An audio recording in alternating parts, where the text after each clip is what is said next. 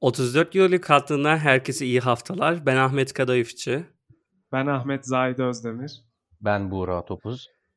Bir haftanın ardından ama basketbol severlere bir haftadan daha uzun gelen bir aradan sonra sizlerle beraberiz.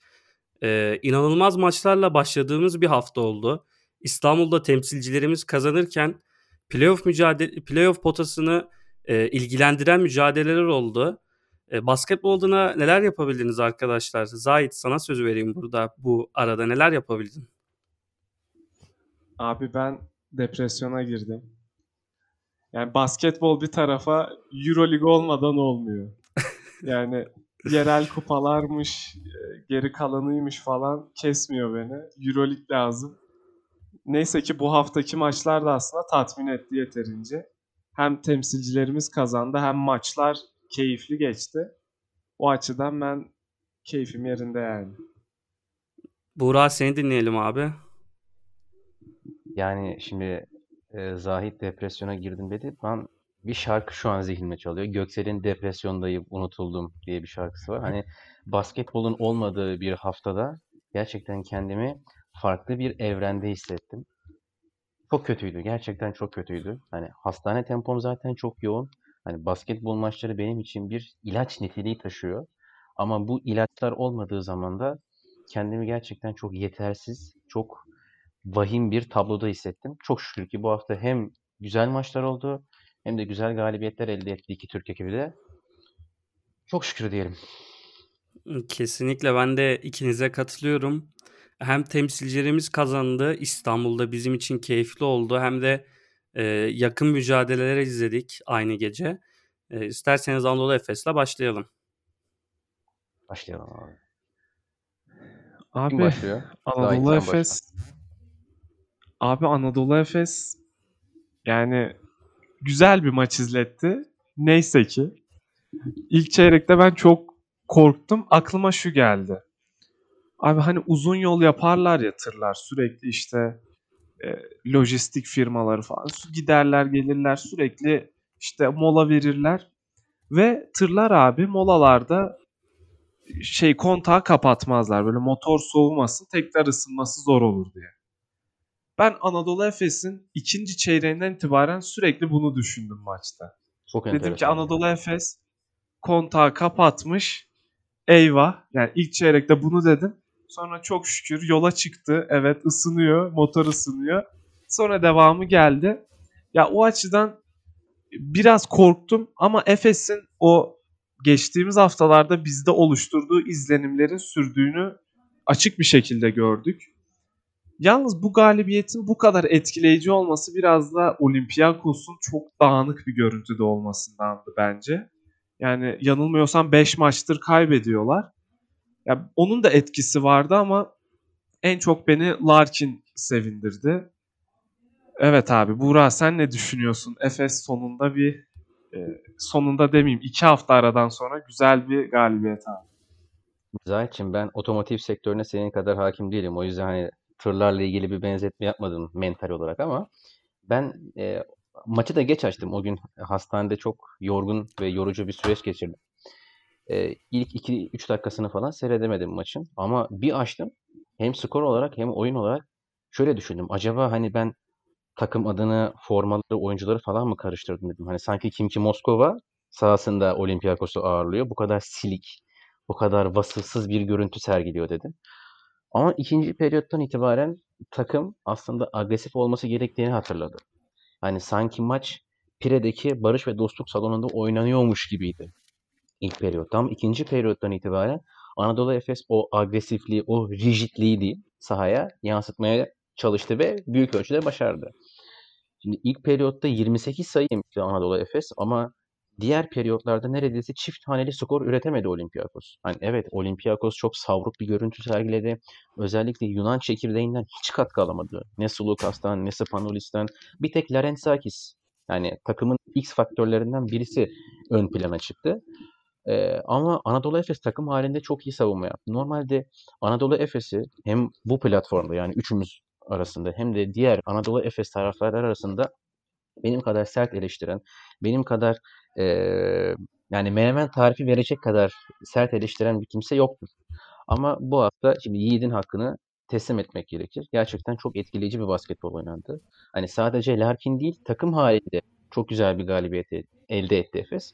Herkesi tebrik ediyorum. Başta Ergin Ataman'ı. Çünkü kendisi ne kadar konsantre olursa bu takıma o ölçüde yansıyor. Oyuncular o yönde motive oluyorlar ve sahaya yansıması gereken performans parkede gözüküyor. Benim de şöyle bir endişem vardı. Efes sezonun belli noktalarında her ne kadar form tutsa da e, ilginç maçlar kaybedebiliyordu. Yani bunu örnek olarak iç sahadaki Real Madrid maçını gösterebiliriz. E, yine iç sahadaki Bayern Münih maç, maçını söyleyebiliriz. E, deplasmandaki Zenit maçını yani hep tutulan bir form var.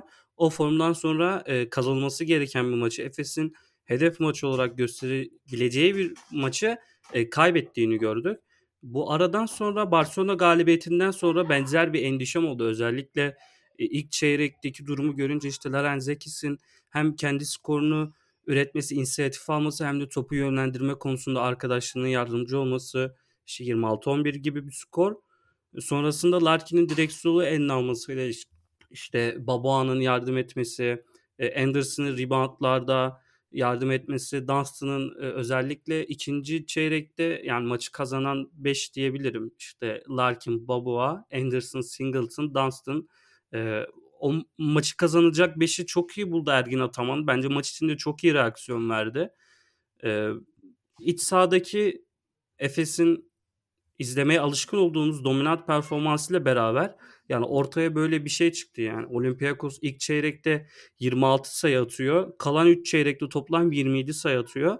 Efes adına e, yani güzel şeylerden hem savunmanın hem hücumun 3 çeyrekte çok iyi şekilde birbirini tamamlaması çok önemli ve etkiliydi.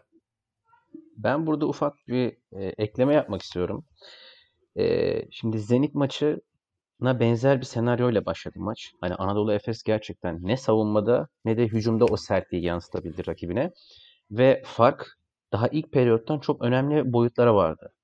Ve burada hep şu eleştirildi. Anadolu Efes maça sert bir giriş yapamıyor. O mesajı daha baştan veremiyor. Ama Barcelona maçına baktığımız zaman hem bench'te hem de sahada daha maçın başından itibaren konsantre olmuş, maça sert ve etkileyici giriş yapan bir Anadolu Efes'ten e, bahsedebiliriz. Şimdi Anadolu Efes'in bundan sonraki 10 maçı da direkt olarak rakipleriyle hani playoff potasındaki takımlarla oynayacak veya zirvedeki takımlarla oynayacak Anadolu Efes. Olympiakos bu 10 maçtaki takımlara karşı biraz eksik hani gömle kumaş olarak biraz daha eksik, kalite olarak biraz daha aşağıda. Şimdi Anadolu Efes Olympiakos maçındaki başlangıcını diğer maçlara taşırsa, yansıtırsa toparlaması biraz daha zor olur. Hani Zenit maçındaki senaryoyu tekrar izleyebiliriz maçlarda. Hani ikinci, üçüncü periyotta ve dördüncü periyotta o farkı azaltmaya çalışan, geri gelmeye çalışan ama nefesi yetecek mi yetmeyecek mi bunun tartışmasının olduğu bir senaryo konuşuruz. Ama maça baştan sert başlarsa en azından maçın sonuna kadar ya önde götürür ya da maç başa baş gider.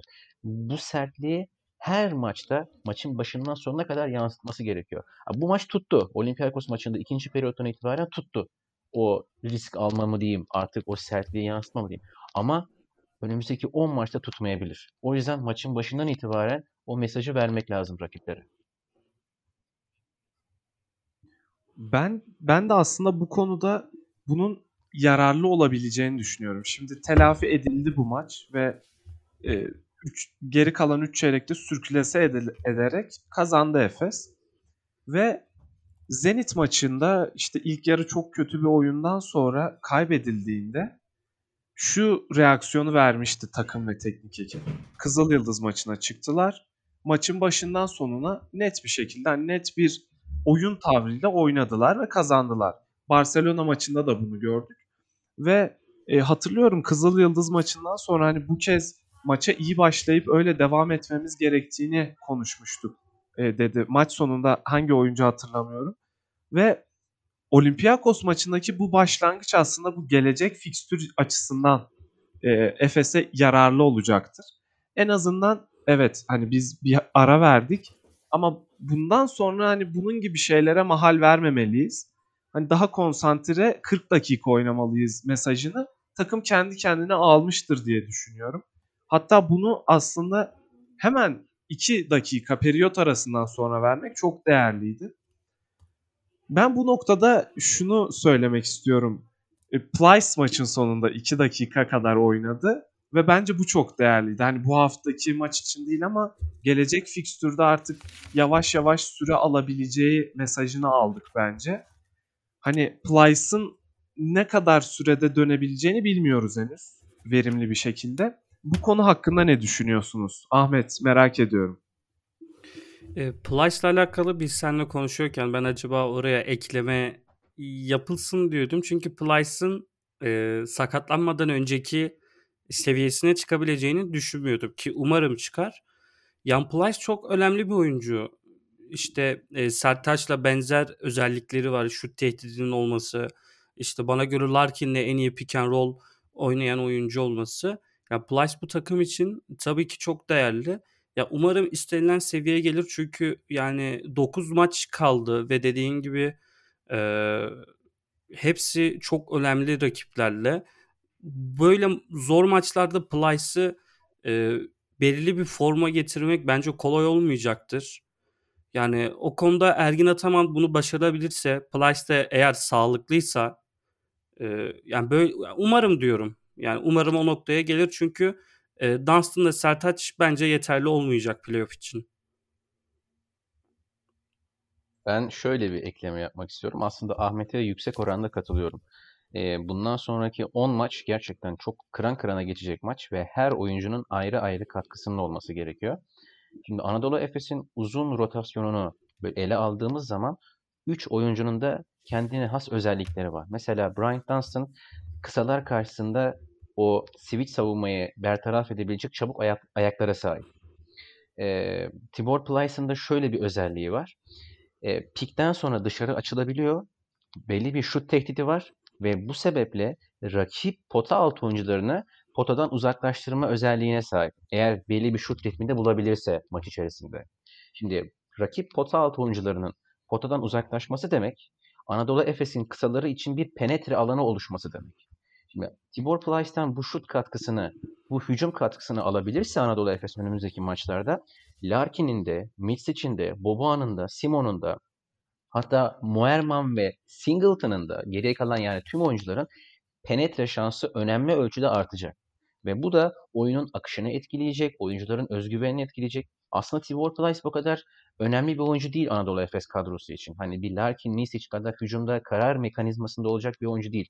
Ama onun şut tehdidi işte böyle mekanizmaların daha aktif hale gelmesini sağlıyor. Bu nedenle Tibor Plyce'dan alınacak en ufacık bir katkı bile 10 maçta çok faydalı olacaktır. Umarım hem fiziksel hem de mental olarak Anadolu Efes gerekli katkı alacaktır kendisinden. Abi bu noktada şunu eklemek istiyorum. Plyce'la ilgili. Bu konuyu açarken aslında aklıma bir de şu geldi. Dün akşam Valencia Real Madrid maçının ilk yarısını izlerken Tavares'in oradan oraya koştuğu, dışarıdaki uzunların şutlarına yetişmeye çalıştığını gördük. Ve Valencia ilk yarıda 55 sayı attı.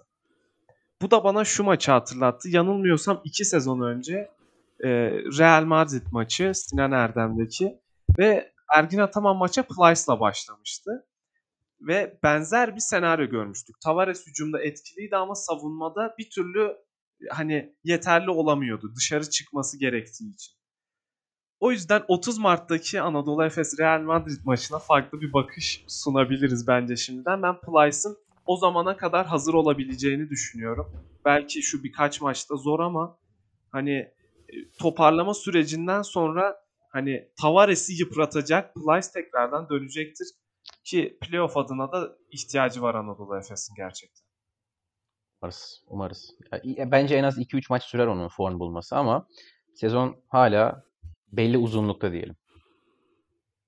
Aynen öyle. Efes'le ilgili eklemek istediğiniz başka bir şey yoksa Fenerbahçe maçına geçelim. En sonunda da Anadolu Efes Fenerbahçe'nin gelecek haftaki maçını bir ön değerlendireceğiz. Fenerbahçe Beko Alba Berlin'i yendi. 89-84.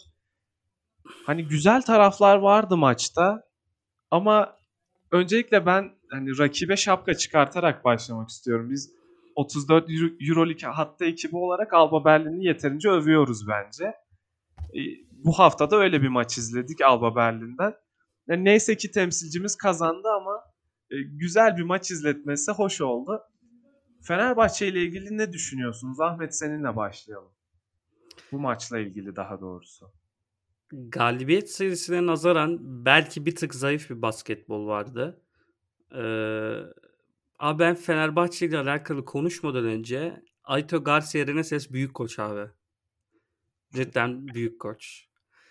Yani Kesinlikle. bu malzemeyle bunları izletmesi gerçekten çok harika iş. Yani Alba Berlin'in yaptığı topsuz koşular, nerede ne zaman kim koşacak, kim şut atacak. Yani oyuncunun atabildiğini biliyorsunuz ama o pozisyonu o kadar hızlı hazırlıyorlar ki izlemesi çok keyifli bir takım Alba Berlin gerçekten. Yani bazen küçümsendiğini hissediyorum. Yani galibiyet sayısına baktığınız zaman e, o şekilde küçümseyebilirsiniz ama bence hani kendi seviyesindeki takımlara göre işte sıralamaya göre Panathinaikos olsun, Asvel olsun, Kızıl Yıldız olsun bence çok daha saygı duyulan bir takım Alba Berlin. Burada Alba Berlin'e olan e, saygımı belirtmeden başlamak istemedim. Fenerbahçe açısına bakınca dediğim gibi galibiyet serisine göre bir tık zayıf bir e, maçtı. Dekolo'nun e, direksiyon alması önemliydi. Bu konuda e, Fenerbahçe'de Dekolo'nun, Efes'te Larkin'in yani liderlerin direksiyonu ele aldığını görmek güzeldi. E, Lorenzo Brown biraz etkisiz kaldı. O bench'ten getirdiği enerjiyi hücum anlamında getirmedi. Savunmada elinden geleni yapsa da. Her ne kadar Brown elinden geleni yapsa da Fenerbahçe'nin e, Alba Berlin'in hücumu konusunda pek hazırlık yapabildiğini düşünmüyorum. Bu maç tabii Igor Kokoşkov'un Sırbistan milli takımının koç olmasında da bunda etkisi belki vardır. O konuda önemli bir hazırlık yapılamamış olabilir. Veseli bildiğimiz Veseli'ydi abi. Yöneten, uçan, kaçan, savunan. Ee, yani şunu diyebildiğim için mutluyum. Tipik bir iç saha Fenerbahçe galibiyeti oldu. Bu 10 maçlık seride Fenerbahçe bize bunu söyletebiliyor hale geldi. Tipik bir Fenerbahçe galibiyeti diyebilmemi sağladılar. Ben şunu belirtmek istiyorum. Ee, şimdi yaklaşık 11 sene öncesine gideceğim. Ee, adını belirtmek istemediğim bir basketbol kulübünde basketbol oynamaya çalışıyorum. Öncesinde bir yerde daha oynuyordum ama öyle lay laylom takılıyordum. Yani spor okulundaydım. Hani belli bir altyapım yoktu.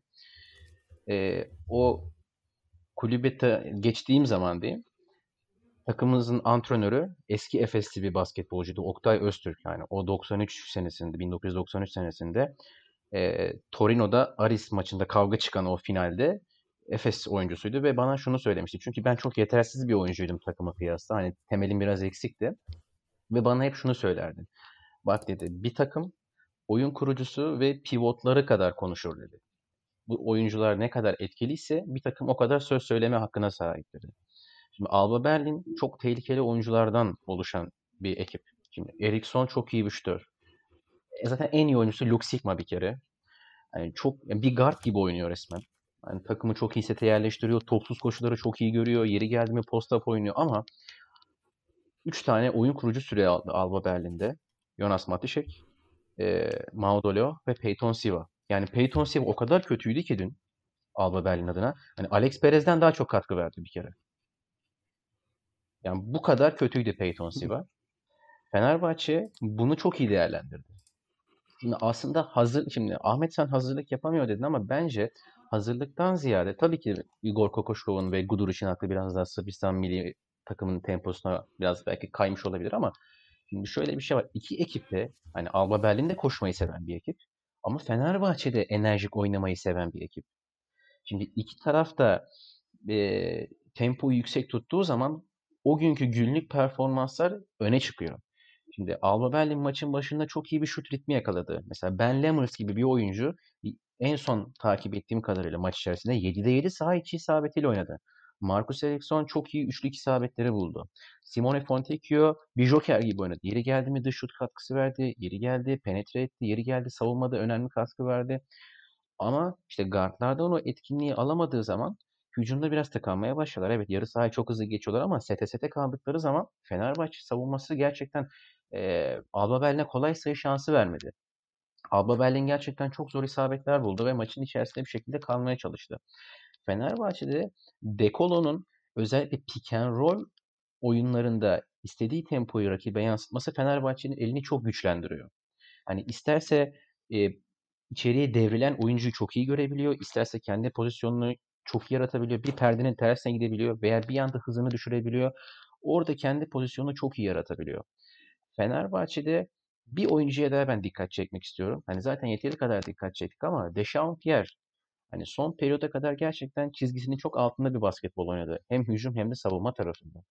Ama son periyotta adeta bir İsviçre çakısını andıran basketbol oynadı. Hani savunmada pas kanallarını çok iyi kapatıyor. Mesela Luke Sigma ile eşleşmişti bir hücumda. Çok zorlandı post-up'ta.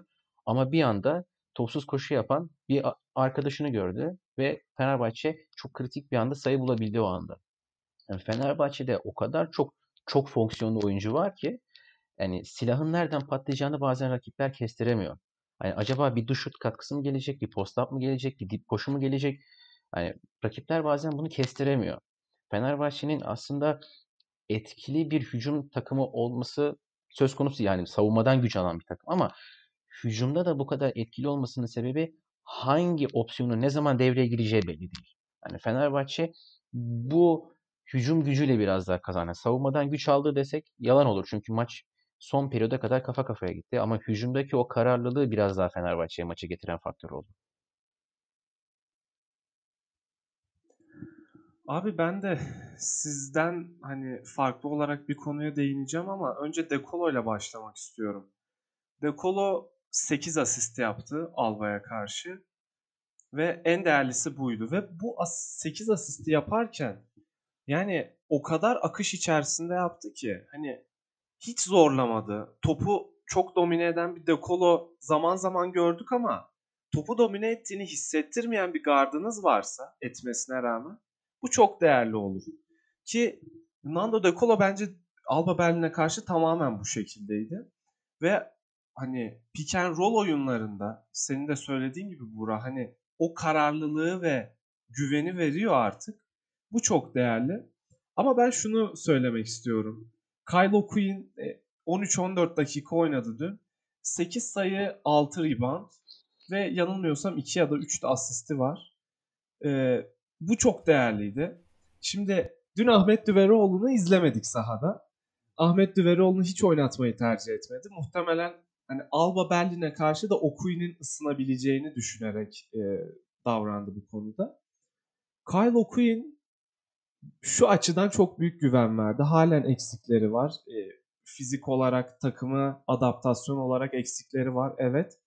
Ama bu playoff sürecinde, playoff'a kalma sürecinde çok önemli bir yedek pivot ol, olabileceğini gösterdi.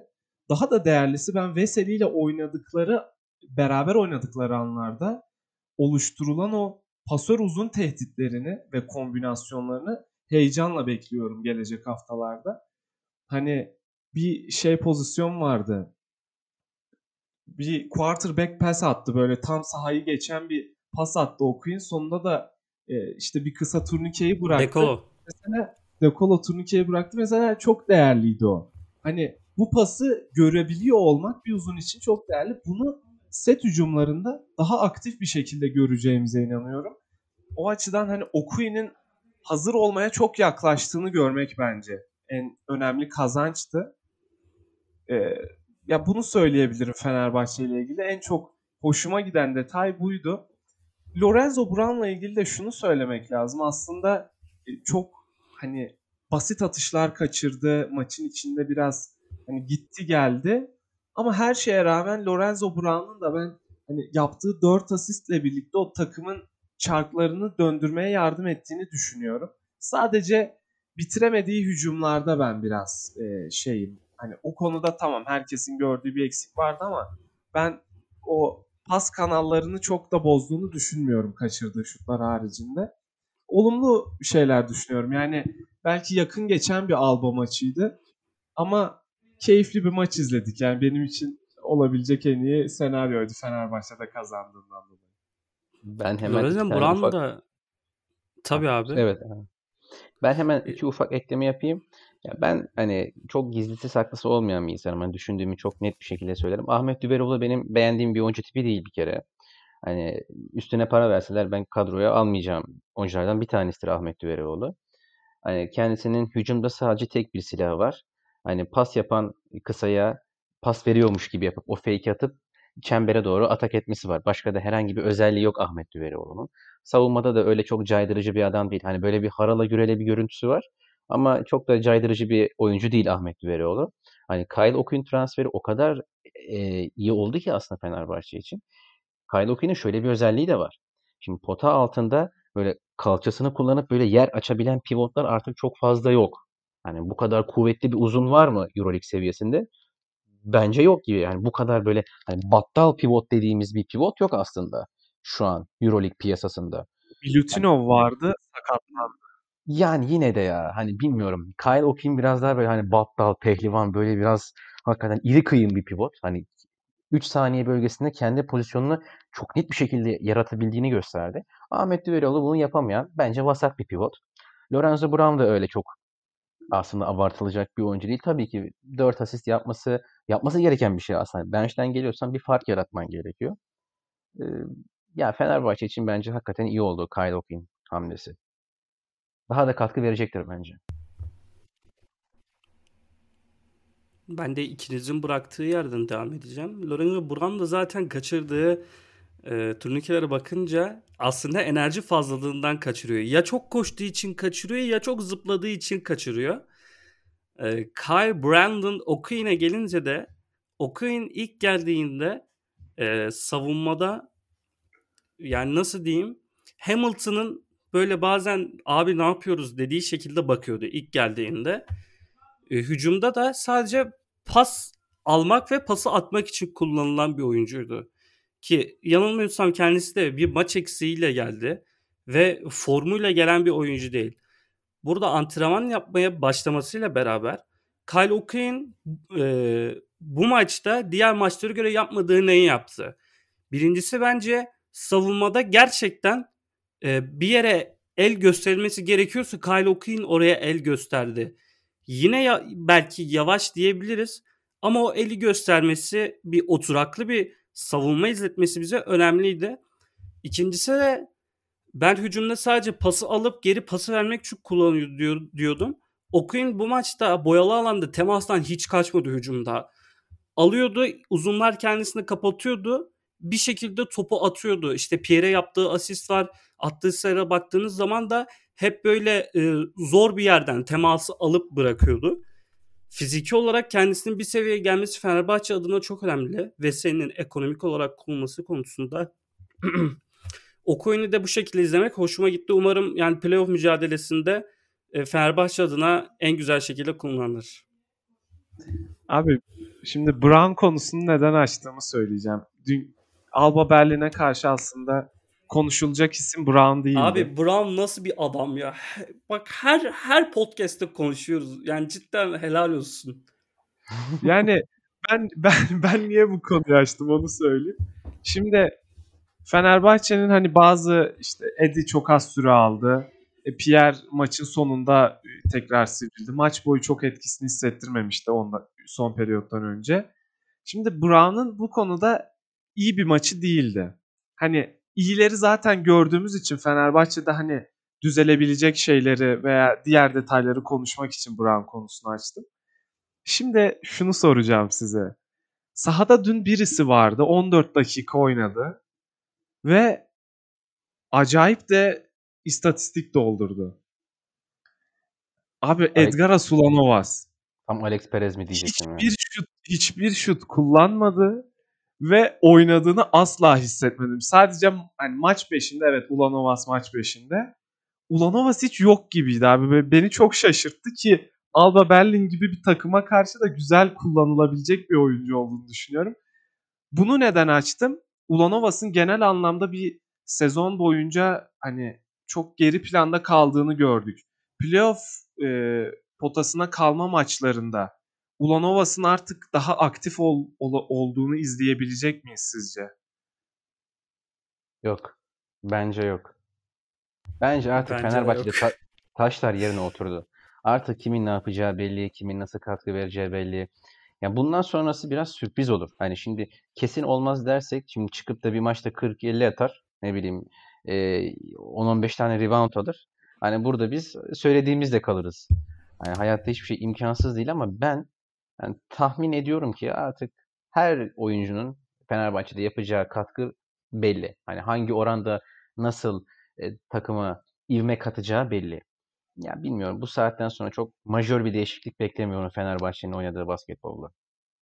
Bak Efes'te bekliyorum. Efes'te hala çok katkı verecek oyuncu var bence. Ama Fenerbahçe'de yok ya o kadar olacağını düşünmüyorum. Peki abi burada bir Efes'e de girdin. Buradan da isterseniz Anadolu Efes Fenerbahçe Beko maçını değerlendirelim. Ahmet sana sorayım. Ataşehir'de Fenerbahçe Efes'le karşılaşacak. Hani tahminden ziyade nasıl bir oyun beklediğini, hani kimin kazanması, kazanıp kazanmaması tahmininden ziyade nasıl bir oyun beklediğini merak ediyorum. Ee, şöyle Efes'i daha avantajlı görüyorum. Çünkü e, Igor Kokoşkov bence Ergin Ataman'dan daha iyi hazırlanamayacak bu maça. Ee, daha öngörülemeyecek takım bence burada Anadolu Efes. Shane Larkin faktörü ve e, Krunoslav Simon faktörü. Yani e, son sezon EuroLeague sezonundaki deplasmandaki maçı ben e, hatırlıyorum. Bence or- orada Efes'in ben bir psikolojik üstünlüğü vardı. Hem Ergin Ataman'ın hem Simon'un hem Larkin'in. Yani hep Barcelona diyorum ama bence son yıllarda da Efes artık Barcelona e, Fenerbahçe maçlarında daha fazla psikolojik üstünlükle geliyor. Yani e, Sinan Erdem'deki lig maçını hatırlayalım. Orada e, Fener iyi gidiyordu. İyi bir gidişattaydı Euroleague'de. Efes kötü gidiyordu. İşler yolunda değildi. Efes orada yine kazandı. E, yani öyle çok da kasmadan kazandı bence. Yani o konuda e, oyun içinde neler olur? Sen e, tahminden ziyade nasıl bir maç geçer diyorsun. Efes'in top yönlendiricilerinin sözü söyleyeceği bir maç olacağını düşünüyorum ben. E, Larkin, Mitsic, Simon özelinde. E, yine de ben tahminimi yapayım. Ben Anadolu Efes'in kazanacağını düşünüyorum. Ben, Ben şöyle araya şaşırdım. Buyur Burak. ben şöyle söyleyeyim yani isteyenle iddiaya bile girerim. Hani bu totem motem falan değil. Ciddiyim yani. Yani Fenerbahçe'nin %90 oranında önemli bir avantaja sahip olduğunu düşünüyorum. Efes'e %5 veriyorum. %5'te uzatmaya gider. Orada da Allah kerim artık ne olur bilemem. Ama ben Fenerbahçe'nin şundan dolayı avantajlı olduğunu düşünüyorum. Bir kere Anadolu Efes eğer hücumda tıkanmaya başlarsa ne bileyim basit top kayıpları ya da yanlış şut tercihlerine e, kalırsa ki Fenerbahçe savunması rakip kim olursa olsun bunu yani rakipleri buna zorluyor. Bu olduktan sonra Fenerbahçe o kadar iyi değerlendiriyor ki transition hücumları. Hani transition'ı bitiremese bile o aldığı ivmeyle sete setle Dekolo'nun Gudur için isolation oyunlarıyla, pick and roll oyunlarıyla bambaşka bir seviyeye çıkmış durumda şu an. Ve ayrıca şöyle bir şey de var. Deshaun Pierre'in kısadan kısaya böyle bir yalancı roll oyunu var. Örnek veriyorum mesela. Nando De Colo hücum ediyor. Onu karşılayan oyuncu Shane Larkin. Farz misal. Deshaun Pierre haftaya bence Larkin'e bir pik yapmaya çalışıp Anadolu Efes savunmasını o yalancı pick and roll'de switch'e zorlamaya çalışacak ve Deshaun Pierre Larkin'le eşleşir eşleşmez potaya doğru atak edecek. Artık oradan sonra kendimi bitirir. Kendisini karşılayan uzunun eşleştiği takım arkadaşına mı verir? Dip forvetten potaya doğru topsuz koşu yapan arkadaşını mı görür? Ne yapar bilmiyorum ama bence maç içerisinde bu senaryoyu çok göreceğiz. Dekolo'nun çok fazla pick and roll oynadığını göreceğiz. Özellikle Tibor Plyce oynarsa onun üzerinden. Sertaç Şanlı oynarsa onun üzerinden. Hatta Dunstan üzerinden bile oynayacak. Çünkü pick and roll'de o kadar iyi zamanlama yeteneği var ki Dekolo'nun ne zaman çemberi atak edeceğini, ne zaman şut kullanacağını veya ne zaman hızını düşüreceğini çok iyi biliyor. Ben Fenerbahçe'nin seyirci avantajını da çok iyi kullanacağını düşünüyorum. Her ne kadar şimdi tırnak içerisinde seyircisiz maçlar oynansa da işte davetliler, sağlık çalışanları vesaire adı altında belli oranda seyirci gelebiliyor. Fenerbahçe'nin hem yakaladığı ivmeden dolayı hem de e, sağ avantajından dolayı %90 oranında galibiyeti yakın taraf olduğunu düşünüyorum. Hatta isterseniz şarkı söylemesine bile iddiaya girerim yani sizinle. Yani bir ya bu Abi, yayında ya da tahtitli bölgede şarkı söyleriz. Tamam. Bir sonraki tahtitli bölge için ben o zaman şöyle hani Kado ile iddiaya girmiş ol. O konuda şey yapalım. Tamam. Şimdi ben de maçla ilgili şunu söylemek istiyorum. Öncelikle güzel bir maç izleyeceğimize ben eminim. Çok güzel bir maç olacaktır. Şimdi Fenerbahçe'nin aslında avantaj sağladığı noktalardan biri top çalmalar ve hızlı reboundlar sonrası geçiş oyunları oynamak. Ki hani bunu birçok galibiyet serisindeki birçok maçta domine ederek yaptı. Anadolu Efes çok az top kaybeden bir takım. Ama bazen o kadar özensiz şutlar kullanan bir takım ki hani maç içinde ritim yakalayayım derken rakibin eline ritim veren bir takım ve bu açıdan hani Efes'in hücumda iki farklı yüzünü izleyebiliriz. Ben yine çok top kaybı yapabileceğini düşünmüyorum. Efes o konuda topun değerini biliyor ama şutlar konusunda topun değerini bilmesi biraz kafamda soru işareti bırakıyor. Bence bu çok belirleyici olacak. Anadolu Efes'in şut tercihleri, hani hücumun kaçıncı saniyesinde, ne, nereden, ne şekilde kullandığı çok değerli. Top kaybı sayısı çok önemli. Fenerbahçe açısındansa savunma tarafına yani Efes'in ben tempoyu çok arttıracağını düşünmüyorum. Fenerbahçe savunmasıyla sete sette ne kadar iyi savunursa Efes'i hücumu konusunda ben de hani Buğra'ya katılıyorum. Çeşitliliği gayet sağlamış bir Fenerbahçe Beko izliyoruz. Hücumda yani bir sıkıntı yaşayabileceğine ben pek ihtimal vermiyorum. Ha Efes yine sert olur Olympiakos maçının son 3 çeyreği gibi. Yine sert olabilir ama ben Fenerbahçe'nin hücumundan ziyade savunmasının Efes'in de savunmasından ziyade hücumunun belirleyici olacağını düşünüyorum. Yani ikiniz de tahmin yaptınız. Ben de şöyle bir tahmin yapayım. Ergin Ataman bir kere çok konsantre gelecek. Muhtemelen e, tepkiler alacak sahada. Öyle bir his var ki doğal bir his bu hani artık yıllardan beri oluşan tepkilerden dolayı. Ve bunun sonucunda da çok kararlı bir Ergin Ataman izleyeceğimizi düşünüyorum. Bence maç iki sayı farkla bitecek ama hangi takımın kazanacağını yani o konuda bir tahminde bulunmayacağım ama maç iki sayı farkla biter diyorum. E, ikinizin dediklerine şöyle bir ekleme yapmak istiyorum. Şimdi Buğra Fenerbahçe'nin oynadığı pick and roller, rollerden bahsetti. E, Zahit sen de e, Efes'in şut tercihlerinden bahsettin. Bu basketbolla alakalı söylediğiniz her şeyde haklısınız. Ama Efes bu maça normal bir Euroleague maçı gibi bakmayacak. Yani Efes'in maçında başında Ergin Ataman var. Yani e, tüm problemler Efes'in o gün sahadaki psikolojisiyle çözülebilecek problemler bence. Ki Efes'te Shane Larkin gibi bir adam var. Bu adam iyi oynadığı zaman 30 verimlilik yapıyor. Çok iyi oynadığı zaman Euroleague rekoru kırıyor. Simon bence çok çok önemli bir silah. Yani e, dediğim gibi bu Simon için de normal bir Euroleague maçı gibi olmayacak. Yani bence Efes kafada e, daha çok kazanabilecek takım bu noktada. Arkadaşlar Larkin şey iki tane milli maç oynayacak. İki milli maç oynayacak Larkin. Yani Aa, evet Igor Kokoşkov da milli takıma gidiyor diyoruz ama Larkin de iki tane çok kritik ve İsveç maçı çok kritik. Yani galibiyetten ziyade ikili averaj da çok önemli İsveç maçında. O yüzden Larkin'in de öyle çok dinç olacağını düşünmüyorum ben. Tamam antrenör bazında Efes çok daha avantajlı olacak ama şimdi diri bir Larkin mi seyredeceğiz? Diri bir Dekolo mu seyredeceğiz? Tabii ki diri bir Dekolo seyredeceğiz. Yani bilmiyorum. Bence İbre şu sebepten dolayı bile Fenerbahçe'de.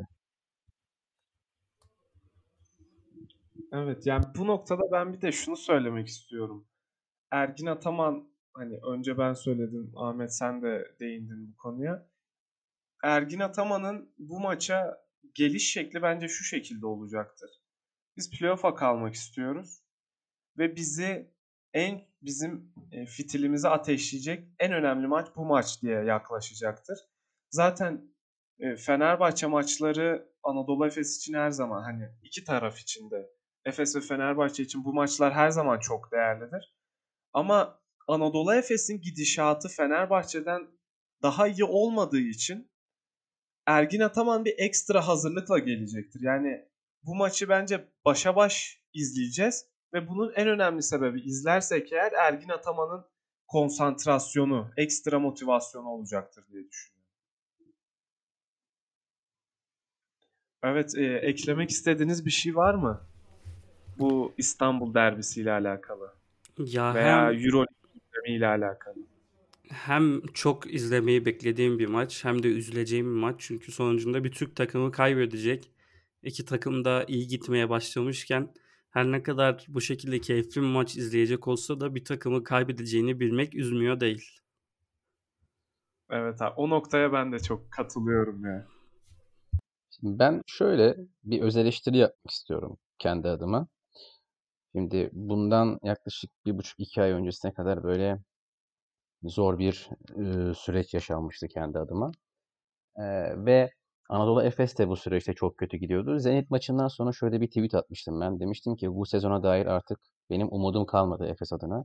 İnanmaya devam etmek isteyen devam, devam etsin inanmaya. Ve hatta o maçtan sonra yaptığımız kayıttan kayıtta da menemen tarifi vermiştim. Hani ağzından kötü bir şey çıkmaması adına. Da yani pişman olacağım şeyler söylememe adına. E, Twitter'da bu öfke kontrolünü çok sağlayamadım. Bir anlık gaflete düştüm ve böyle bir tweet attım. Bir kere çok hatalı bir davranıştı bu kendi adıma. Hata yaptığımın farkındayım.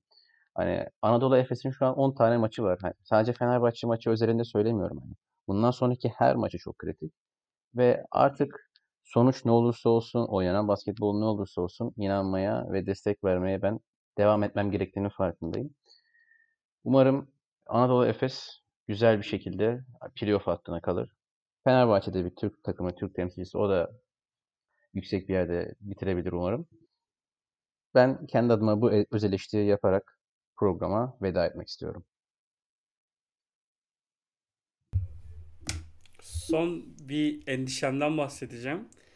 Ee, Barça bence ilk üç bırakmayacak gibime geliyor. Real Madrid'in düşe- düşeceğini düşünüyorum. Kalan takımlara bakınca işte Real Madrid, Fenerbahçe, Zenit, Efes, Bayern Münih. Milan. Ee, Milano da ilk üçte olacak bence. Milano, Ceska, Barça. Şu endişem var. Acaba Efes, Fener 4-5 olur mu? Yani bundan çok korkuyorum. Ben olacağını düşünmüyorum. Yani hangi takım yani 4 için savaşılacak evet. Ama iki takımın da ilk dörde girmesi biraz zor geliyor bana ya. Hayır Yani 4-5. tamam herhangi birisinin dördüncü olması zor geliyor Ha bana. zaten. anladım anladım. Tabii ki şansları yok değil. Gayet güzel şansları var ama hani Hı hı.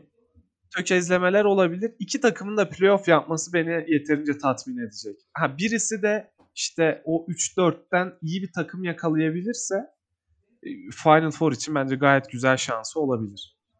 Tabii. Evet, o zaman 34 Euroleague hattından bu haftalık bu kadar diyelim. Umarım iki takımımızın da iyi bir gidişata sahip olduğu gelecek fikstür izlemeye devam ederiz. Görüşmek üzere. Hoşça kalın. Hoşçakalın.